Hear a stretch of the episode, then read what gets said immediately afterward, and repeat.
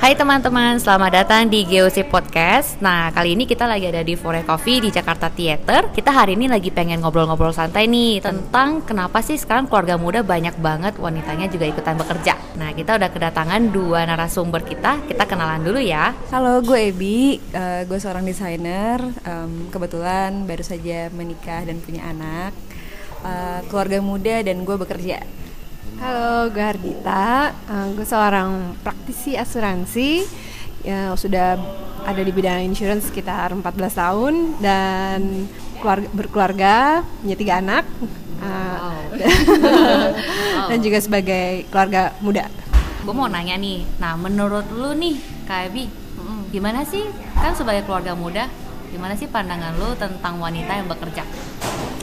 Kalau menurut gue di zaman sekarang wanita bekerja uh, bukan sesuatu yang aneh ya. Kayak semua orang rasa-rasanya aktualisasi diri lewat bekerja sih perempuan-perempuan. Apalagi kayak mungkin gue hidup di zaman yang uh, punya kesempatan sekolah tinggi terus uh, biasanya memutuskan untuk berkarir dulu um, lepas mereka masih bekerja setelah menikah atau enggak. Tapi gue rasa it's fine ya kayak common gitu semua orang bekerja. Okay. perempuan bekerja maksudnya Oke, nah kalau menurut Ci Arita sendiri nih gimana?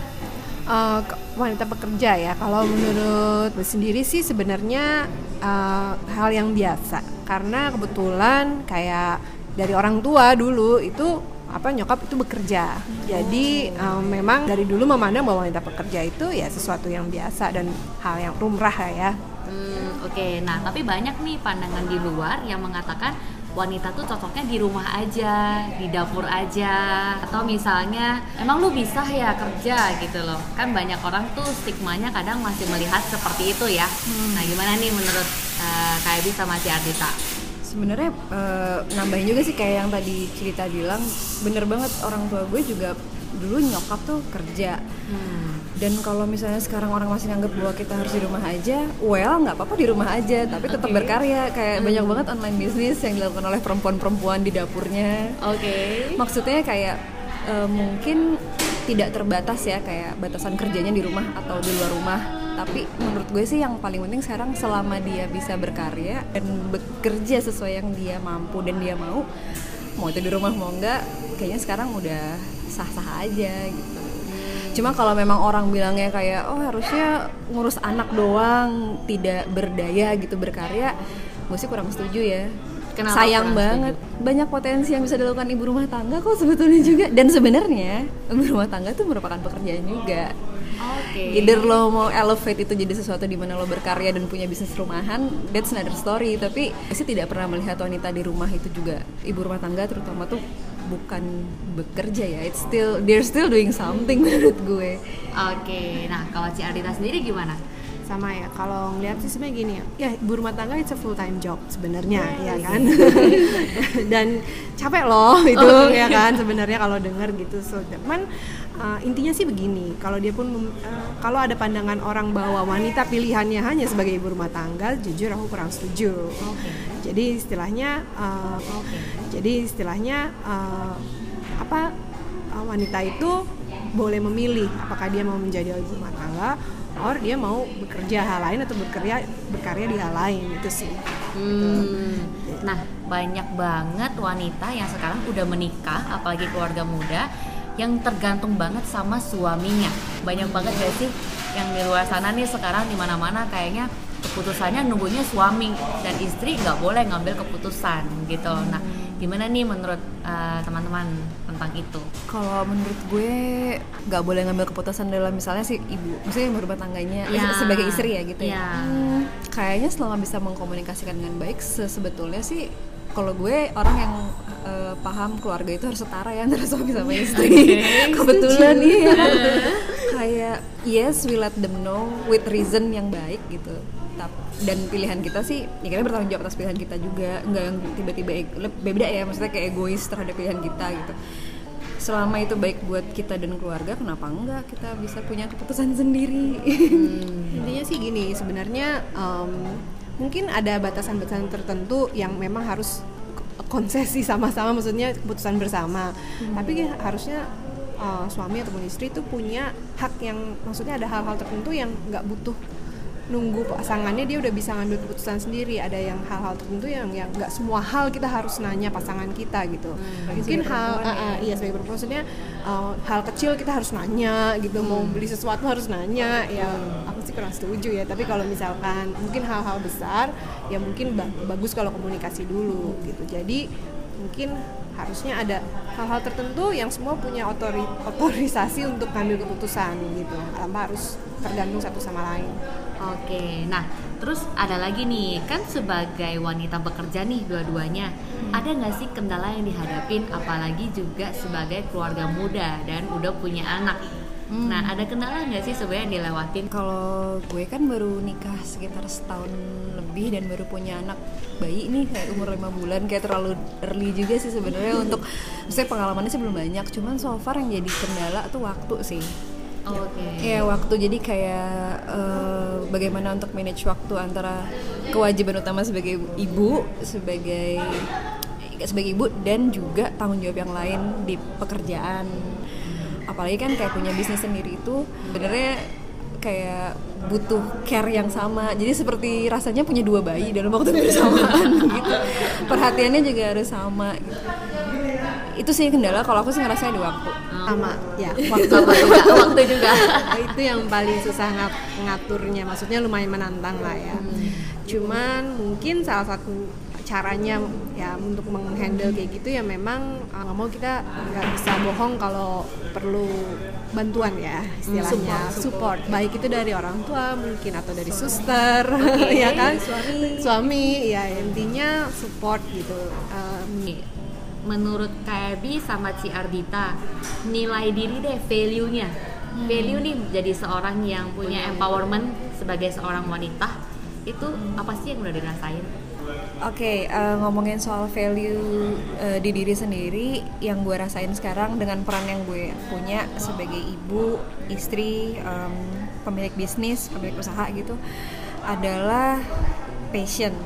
Karena yang sangat-sangat gue jaga di diri gue adalah drive itu sih yang bikin gue punya alasan wake up every morning hmm. to seize the day gitu. Kayak jadi ibu ngelihat uh, anak gue jadi istri ngelihat bagaimana kita build this family dan juga jadi uh, creative lead gitu seperti di bisnis usaha desain gue untuk terus benar-benar berkarya itu sih yang dijaga dan untuk sebenarnya menjaga value diri which is passion itu agak susah buat orang seni kayak gue. Karena itu kan sifatnya abstrak dan sangat sangat apa ya kayak dipengaruhi oleh banyak hal gitu loh untuk ngejaga mood um, mungkin jenis karena jenis pekerjaannya juga gitu. Dan perempuan tuh kan jauh lebih emosional jadi kayak gitu. Ya yeah, well on the side um, selain itu yang memang ngejaga passion itu sendiri juga susah tapi that's what I value the most for myself sih hmm, oke okay. jadi kita sebagai wanita ngerasanya juga lebih secure ya sama diri kita sendiri ya kalau misalnya dibilang uh, tahu value kita dan kita menjadi secure iya hmm. karena kayak we have the drive, we have the reason to do things aja. Hmm. Punya yang kita pegang kali ya. Oke, okay. nah kalau Cici sendiri? Ah, kalau gue sih sebenarnya lebih ke awalnya ya. Intinya bekerja itu ya uh, kita sebagai perempuan ya membantu keluarga secara ekonomi ya kan? Berarti ya contribute secara ekonomi ya ke keluarga gitu. Dan dan hal itu kita bisa lakukan gitu. Dan artinya gue merasa bahwa gue ada kontribusi lah gitu kepada keluarga juga. Jadi bukan cuma suami aja yang kerja gitu okay. kan. Jadi financially ya ada kontribusi secara financial itu nomor satu. Uh, mungkin hal lain ya tadi mirip-mirip sama yang Edi bilang gitu kan bahwa kita mungkin punya satu passion tertentu atau hal tertentu yang uh, pengen kita lakukan gitu kan. Uh, tidak berarti pada saat setelah menjadi ibu rumah tangga itu berhenti. Oh, gitu okay. loh. Kenapa nggak kita tetap lakukan kita melakukan sesuatu yang kita suka juga dan tetap jalan walaupun di sela-sela kita tetap uh, ngurus keluarga. Oke okay, nah Kak Abi, uh, gue pengen nanya nih, kan menurut pandangan Kak Ebi nih sebagai wanita bekerja, keluarga muda, istri juga ya dan juga maksudnya punya usaha nih. Menurut Kak Ebi pandangan tentang asuransi itu gimana? Awalnya gue sangat skeptis sama asuransi. Kenapa? Iya, jadi yang sebelumnya kan gue mungkin sebenarnya itu sih lack of knowledge pertama tuh itu karena dulu pernah sekali tersentuh dengan asuransi tapi kayaknya dapet agent yang nggak benar terus gue merasa layaknya orang lain oh gue ditipu nih gitu oh, kan okay. kayak we spend uh, certain amount tapi kok gue nggak dapet apa-apanya beat itu fasilitas benefit atau kayak investasi gitu. uh, karena gue nya nggak punya knowledge dan waktu itu gue juga nggak nggak nyari tahu karena masih muda dan linglung gitu hmm. kayaknya nggak tahu nggak tahu mau gimana sama yang namanya asuransi akhirnya gue jadi sempat skeptis ah gue nggak mau deh punya asuransi tapi along the way ya setelah gue setelah gue akhirnya menikah dan punya anak gue inget banget uh, gue memutuskan untuk punya asuransi itu pas gue hamil oke okay. jadi waktu itu gue ketemu agent gue hmm. Terus kayak menceritakan kegelisahan gue sebagai perempuan justru awalnya eh gue hamil nih terus no. what should I do ya gitu kan dan ya udah sih akhirnya mulai uh, memulainya dengan cari tahu terus mulai membuka lagi nggak berusaha untuk nggak skeptis karena gue tahu kan waktu itu gue skeptis karena gue nggak punya knowledge nih terus ya udah akhirnya kayak mencoba ngobrol terus mulai sekarang bener-bener dibaca polisnya ya okay. itu hal yang paling jarang orang lakukan kan kamu yeah. people tuh kayak males baca polis ininya dan segala macam dan tahu sebenarnya apa yang bahwa ini akan jadi bentuk investment yang baik gitulah akhirnya ya udah nih um, gue memutuskan untuk akhirnya punya asuransi untuk diri gue sendiri. Tuh bednya karena gue kelamaan angkanya udah mulai tinggi ya oh. gitu. And I was gue pernah sharing juga sama agent gue. I wish I knew earlier sih. Oke, okay, karena setelah makin tua juga karena ya, makin mahal ya. nah, berarti menurut Ebi sendiri nih, wanita yang bekerja secara profesional ataupun punya bisnis sendiri ataupun seorang ibu rumah tangga penting nggak sih punya asuransi? Kalau gue akhirnya melihat asuransi sebagai spending untuk diri sendiri ya seperti orang beli tas, seperti orang beli make up, hmm, seperti okay. orang beli ya, whatever lah you call it gitu. Jadi waktu itu uh, gue sempat sebelum gue memutuskan untuk asuransi pastinya gue kan juga mencoba memahami dulu nih uh, kebutuhan gue apa. Dan uh, waktu itu waktu gue hamil gue memang lebih concern terhadap diri sendiri terhadap kesehatan terhadap kemungkinan-kemungkinan ketika mengalami pengalaman ini. Soalnya kan menjadi ibu tuh it's different experience. Terus kayaknya oh mungkin memang concern gue sudah saatnya nih gue concern sama kesehatan gue. If anything happens karena ada sesuatu yang terjadi di dalam tubuh kan. Ya. Udah akhirnya eh gue sih merasa itu penting spending yang penting buat gue. Hmm, tapi nah banyak kan orang yang merasa kayaknya asuransi itu nggak kepake tapi kalau iya karena gue mencari tahu dulu uh, soal asuransi which is gue suka sama ide kolaborasinya sih. Dalam artian gini kayak kita urunan ini mungkin pengertian sederhana ya kita urunan untuk take care of each other. Kalau gue sih berusaha bener-bener sebelum gue di set asuransi itu memang membenarkan mindset dan mencoba memahami decision gue gitu. Jadi waktu itu gue berpikir oh iya ya um, sebenarnya sistem asuransi ini lepas dari investasi nilai investasi yang akan gue dapat tapi sebetulnya dalam prakteknya kan we're taking care taking care of each other. Hmm. sebagai orang yang like ideas, I bought that idea tuh. Oh, oke, okay. you bought that idea. Iya, yeah, okay, dan, jadi dan dan dengan ya, maksudnya dengan sadar gue memutuskan akhirnya ya memang ini kayaknya spending yang gue pilih, nah, which is punya asuransi. Okay, nah, Kak Ebi kan berarti udah punya asuransi nih. Nah, sebagai seseorang yang udah punya asuransi, so far yang Kak Ebi rasain apa sih? Meskipun misalnya Kak Ebi belum ada klaim, belum pernah ngerasain nih manfaat bener-benernya nih, apa yang Kak Ebi ngerasain gitu? Uh, satu ada ada security dalam artian ini kita kan kadang mikir ya ah udah serahin aja sama Tuhan atau segala macam yes I get it. Tapi kayaknya sebagai manusia lo juga ikhtiar nggak sih kayak berusaha untuk mengusahakan itu juga? Mengusahakan itu juga bahwa ya itu nggak kesehatan atau keselamatan itu nggak terjadi gitu aja kalau kita nggak prevent ourselves juga berikhtiar lah kalau hmm. bahasa gue sih jadi ya think kayak gitu sih hmm. kalau misalnya nih kayak Bi nggak ada asuransi sama sekali hmm. apa sih the scary thing semenjak udah berkeluarga apalagi sebagai wanita bekerja misalnya sampai udah nggak bisa bekerja gitu loh. Nah apa yang the scary thing yang mungkin bisa terjadi di rumah tangga gitu ya. Bisa jadinya akhirnya keuangan rumah tangga sendiri keharmonisan juga bisanya akhirnya jadi kayak nggak bagus sih kalau ini pendapat pribadi gue ya yang membuat gue akhirnya merasa bahwa asuransi ini jadinya secure buat gue adalah karena gue tahu uh, gue punya banyak peran satu sebagai ibu terus gue masih berkarya which is gue masih commute keluar rumah gue masih punya sebagai desainer gue masih punya jam kerja yang tidak di jam normal. Gue masih working hour working rutin gue itu bukan common people juga gitu kadang-kadang. Which is I aware gitu oh badan gue mungkin bisa saja walaupun gue berusaha menjaganya dengan baik tapi bisa aja kejadian hal-hal yang nggak gue inginkan. Balik lagi soal preventif tadi itu sih. Sebenarnya asuransi bisa dijadikan sebagai prioritas ya kak ya? Jadi prioritas sih jadi prioritas. Jadi jadi jadi uh, jadi hal yang ibaratnya kita punya pegangan sih. Hmm. Di di pegangan yang enggak memang bukan satu-satunya pegangan tapi dia salah satu pegangan yang penting kalau buat gue jadi kayak sebenarnya bisa nge-secure bantu nge-secure tentang finansial keluarga finansial juga. ya kan nanti ya kayak misalnya ya ketika lo tahu lo ngambil plan yang seperti apa sih gitu. Kalau gue sih waktu itu concernnya memang kayak ini bisa nggak ya nanti membantu keluarga gue atau saat anak gue sekolah? Kalau gue kan berpikirnya itu. Gue sih punya asuransi bukan berharap gue sakit. Gue justru malah kayak berusaha tetap sehat saja kalau bisa. Ya iya nggak sih? Kayak yeah. kita juga nggak di gue sih ngerasanya punya asuransi bukan sesuatu untuk kayak wah jangan-jangan gue ntar kenapa-kenapa nih. Nggak hmm. nggak gitu sih. Lebih kayak ngambil positif side of the insurance kalau gue. Oke. okay.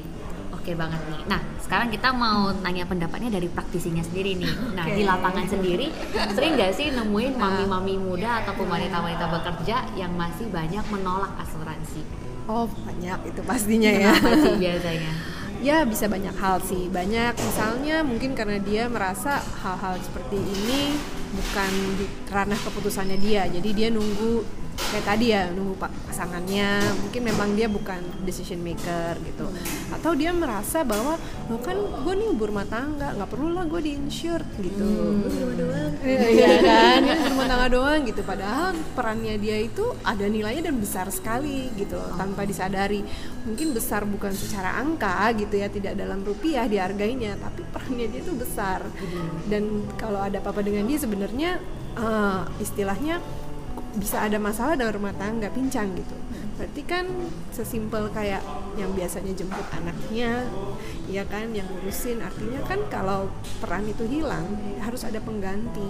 Hmm. dan penggantinya itu ada biayanya gitu lah apakah dia apakah hire apa suster atau apa misalnya ini contoh aja. Tapi ya banyak sih nggak hanya itu aja. Ya mungkin ada pandangan juga masih yang ngelihat bahwa insurance itu expenses pengeluaran. Ya kan? Gitu jadi yang kayak ngapain sih spending money buat terus mikirnya sakit lagi serem-serem gitu kan. Gitu loh. Padahal kan tujuannya bukan untuk itu gitu loh. Bukan untuk sakit tapi pada saat sakit ya kita kan nggak pernah ada yang bisa bilang kita sehat terus tapi pada saat sakit uh, dana yang misalnya selama ini udah kita siapin buat anak sekolah untuk apa bisa aja kepake kan justru ini sebenarnya ya menjaga gitu hmm. kalau terjadi kita nggak ada yang mau tapi pada saat terjadi dan ada impactnya ke keuangan kita gitu nah ini backup plannya oke okay. nah terus ada lagi nggak sih biasanya concernnya ibu-ibu muda ataupun wanita bekerja tentang asuransi kan ada juga nih yang bakal masuk asuransi biasanya nih yang hmm. nyariin eh kayaknya gue butuh asuransi deh nah kebanyakan concernnya ini nih terlepas dari yang pendapatnya ya, ya. Abby ya. ya nah apa sih concernnya mereka pada biasanya juga sebenarnya kalau ada beberapa hal yang yang gue temukan ya. Artinya concern pertama biasanya sekarang orang masih berpandangan ya untuk kesehatan tadi ya kan? Apalagi kalau kayak dia freelancer atau dia nggak kerja sama nggak di satu kantor artinya kan dia tanggung sendiri gitu. Atau dia seorang pengusaha otomatis kalau sakit atau apa dia yang harus handle sendiri. Itu satu ya. Biasanya yang menjadi concern mereka adalah itu. Hal kedua adalah walaupun dia bekerja atau dapat fasilitas kesehatan dari tempat kerja tapi kan uh, kemampuan dia mencari uang itu itu juga penting jadi yang sebenarnya ditanggung uh, oleh insurance itu kan kemampuan apa ability-nya dia untuk uh, cari income untuk hmm. bekerja itu nah sementara kalau dia sakit cukup serius atau apa ability itu hilang Oke. Okay. Ability hilang ya means income-nya hilang. Gitu. Hmm. Nah, uh, mungkin dua hal itu yang biasanya uh, apa gue temukan lah ya, yang menjadi concern perempuan-perempuan uh, bekerja. Kenapa mereka akhirnya decide untuk punya insurance? Oke. Okay. Nah, si Arita kita mau nanya dong sebenarnya nih kan asuransi itu kadang scary banget nih dianggapnya expense ya scary. ya gitu. Kayaknya gue nggak perlu asuransi mendingan gue jajan makeup gue beli tas gue jajan konsumtif ya. Iya, nah, sebenarnya masuk asuransi itu mahal nggak sih? Uh, enggak enggak ya? Enggak compare tuh apa yang kita dapatkan intinya okay. gitu. nilai value yang kita dapatkan dari insurance itu. Uh, kita dengan mudah uh, spend untuk belanja sehari itu satu juta very possible loh gitu. Apalagi kalau udah berkeluarga ya. Bayangin aja sekali nonton bawa anak tiga ya kan? Belum nanti minta makan terus belum lagi nanti minta sesuatu. Uh, satu juta tuh lima ratus ribu minimum lah gitu loh pasti. Itu yang biasa-biasa aja. So sementara kadang-kadang kita spend untuk insurance dengan nilai yang sama dalam sebulan bukan dalam sehari kita bisa melindungi penghasilan kita gitu hmm. Atau kita paling nggak punya saving jangka panjang hmm. jadi uh, cuman karena mungkin orang nggak ngelihat pentingnya belum melihat lah ya pentingnya jadi melihatnya kayaknya mahal gitu loh okay. padahal tanpa dia sadari sehari dia spend sehari dia spend hal yang sama untuk hal yang butuh sebu itu cuma untuk sebulan Wah, berarti sebenarnya satu hari aja kalau satu juta berarti satu bulan aja udah berapa berapa puluh juta iya, ya kalau dihitung-hitung ya. gitu ya. Oh, Seminggu wow. sekali lah ya keluar iya. sama keluarga tuh bisa sejuta tuh nyampe gitu. Hmm, bener sih. Nah, tapi sebenarnya nih banyak juga pasti orang yang concernnya gini, ah nanti kalau misalnya gue ngambil asuransi, gue jadinya harus kurang-kurangin nih untuk anak gue, untuk ini gue dan segala macem gitu ya karena harus bayar asuransi.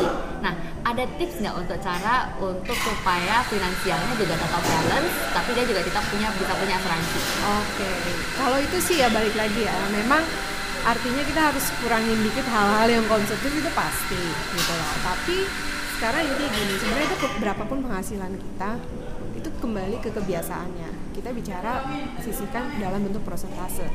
Kalau kita nggak punya habit untuk membiasakan nabung, gitu, naik penghasilannya juga tetap nggak akan bisa nabung. Ya. Nah, bener kan nggak akan terjadi lah pokoknya menyisihkan itu uh, sebenarnya kembali lagi tadi uh, setuju sama yang bilang kalau beli insurance itu sebenarnya self care gitu kita hmm. membayar diri kita sendiri dulu sebelum kita spend untuk yang lain gitu untuk hal lain nah uh, tips aku sebenarnya sih gini aja simpelnya tuh dia yang penting sekecil apa pun habitnya terbentuk dulu Okay. Let's say dari persentase income 10%, 5% dari penghasilan udah ada. Nah, dengan meningkatnya gaya hidup, pasti 10 nya ikut naik kan ya, gitu. Betul. Dia adjust lagi, dia adjust lagi sesuai dengan peningkatan income-nya. Nah kalau misalkan dia dari kecil aja nggak punya habit itu, income-nya naik 10 kali lipat juga nggak akan ada savingnya karena terus-terusan konsumtif. Oke. Okay. Gitu. itu sih. Sekarang boba ya. Iya. boba lagi. Antrian boba panjang ya soalnya. Iya. Uh, itu satu boba berapa tuh? Sehari satu udah berapa tuh sebulan ya? Iya benar benar banget. Apalagi ngopi nih kayak kita lagi di Fore Coffee nih ya lumayan iya. juga ya sekali sekali minum ya. Uh, gitu. Oke. Okay. Nah berarti sebenarnya kan nih kalau aku bisa aku sum up sebenarnya asuransi itu penting. Terlepas sebenarnya sebagai wanita pekerja kita perlu minta decision suami atau enggak. Sebenarnya it's talking about our self love lah. Tentang sebenarnya kita yeah. jadi wanita itu juga kita harus care sama diri kita. Terlepas kita juga banyak banget nih job desknya. Jadi ibu rumah tangga jadi uh, wanita yang punya bisnis mau dari rumah online shop doang ataupun di luar. Kemudian uh, sebagai independen sendiri juga sebenarnya itu penting banget ya. Nah ini ini terakhir nih last but not least nih. Nah, dari Kak sendiri ada masukan atau mau apa encouragement buat wanita-wanita di luar sana?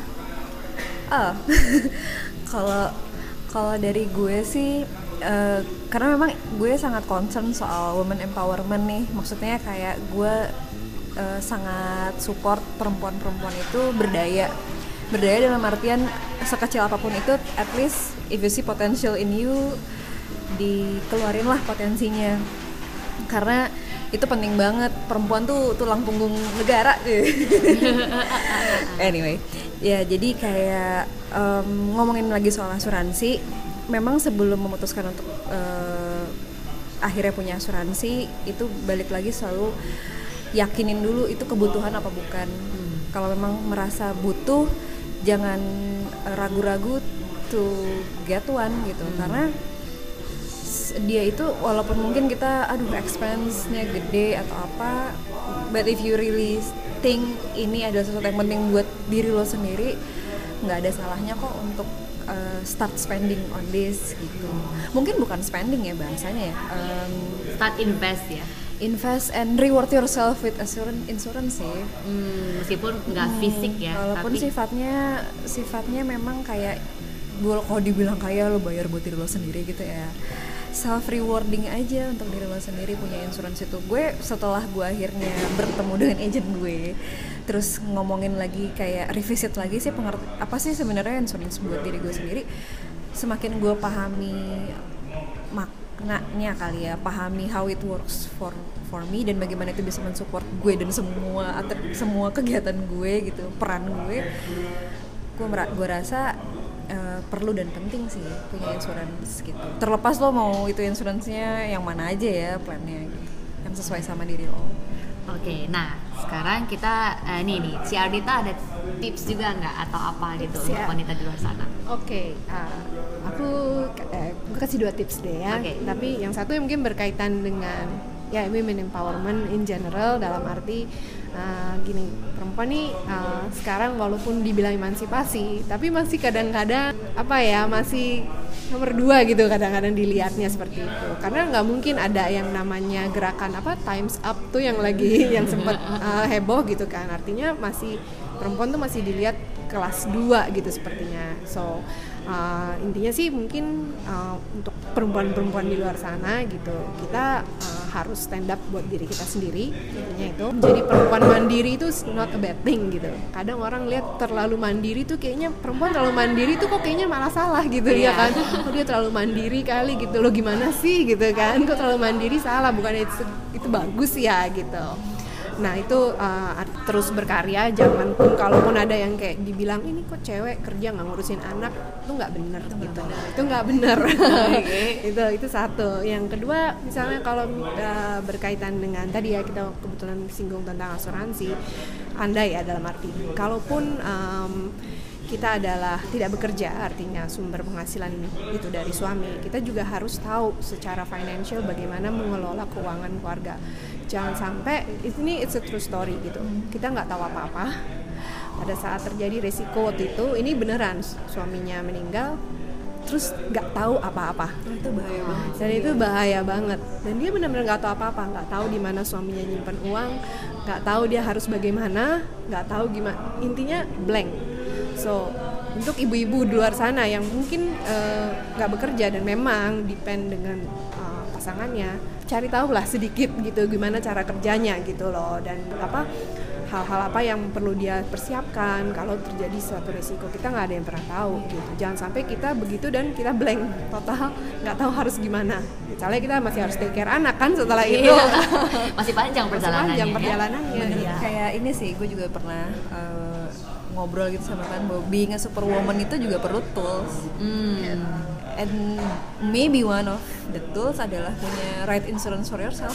Sesimpel oh. itu untuk take care of your body take care of anything happens. Gitu wow. sih. Keren ya pembicaraan kita hari ini tuh keren banget. Semoga teman-teman yang dengerin podcast ini dapetin sesuatu hal yang baik. Dan juga buat wanita-wanita di luar sana jangan berhenti berkarya. Keep improving yourself, get your insurance. Jadi kalau misalnya mau cari-cari asuransi bisa langsung ke Ciardita, nanti bisa langsung di follow Instagramnya at ardita.muksin, M U K S I N, depannya A R D I T A gitu. Atau bisa juga langsung ke Instagram goc.group.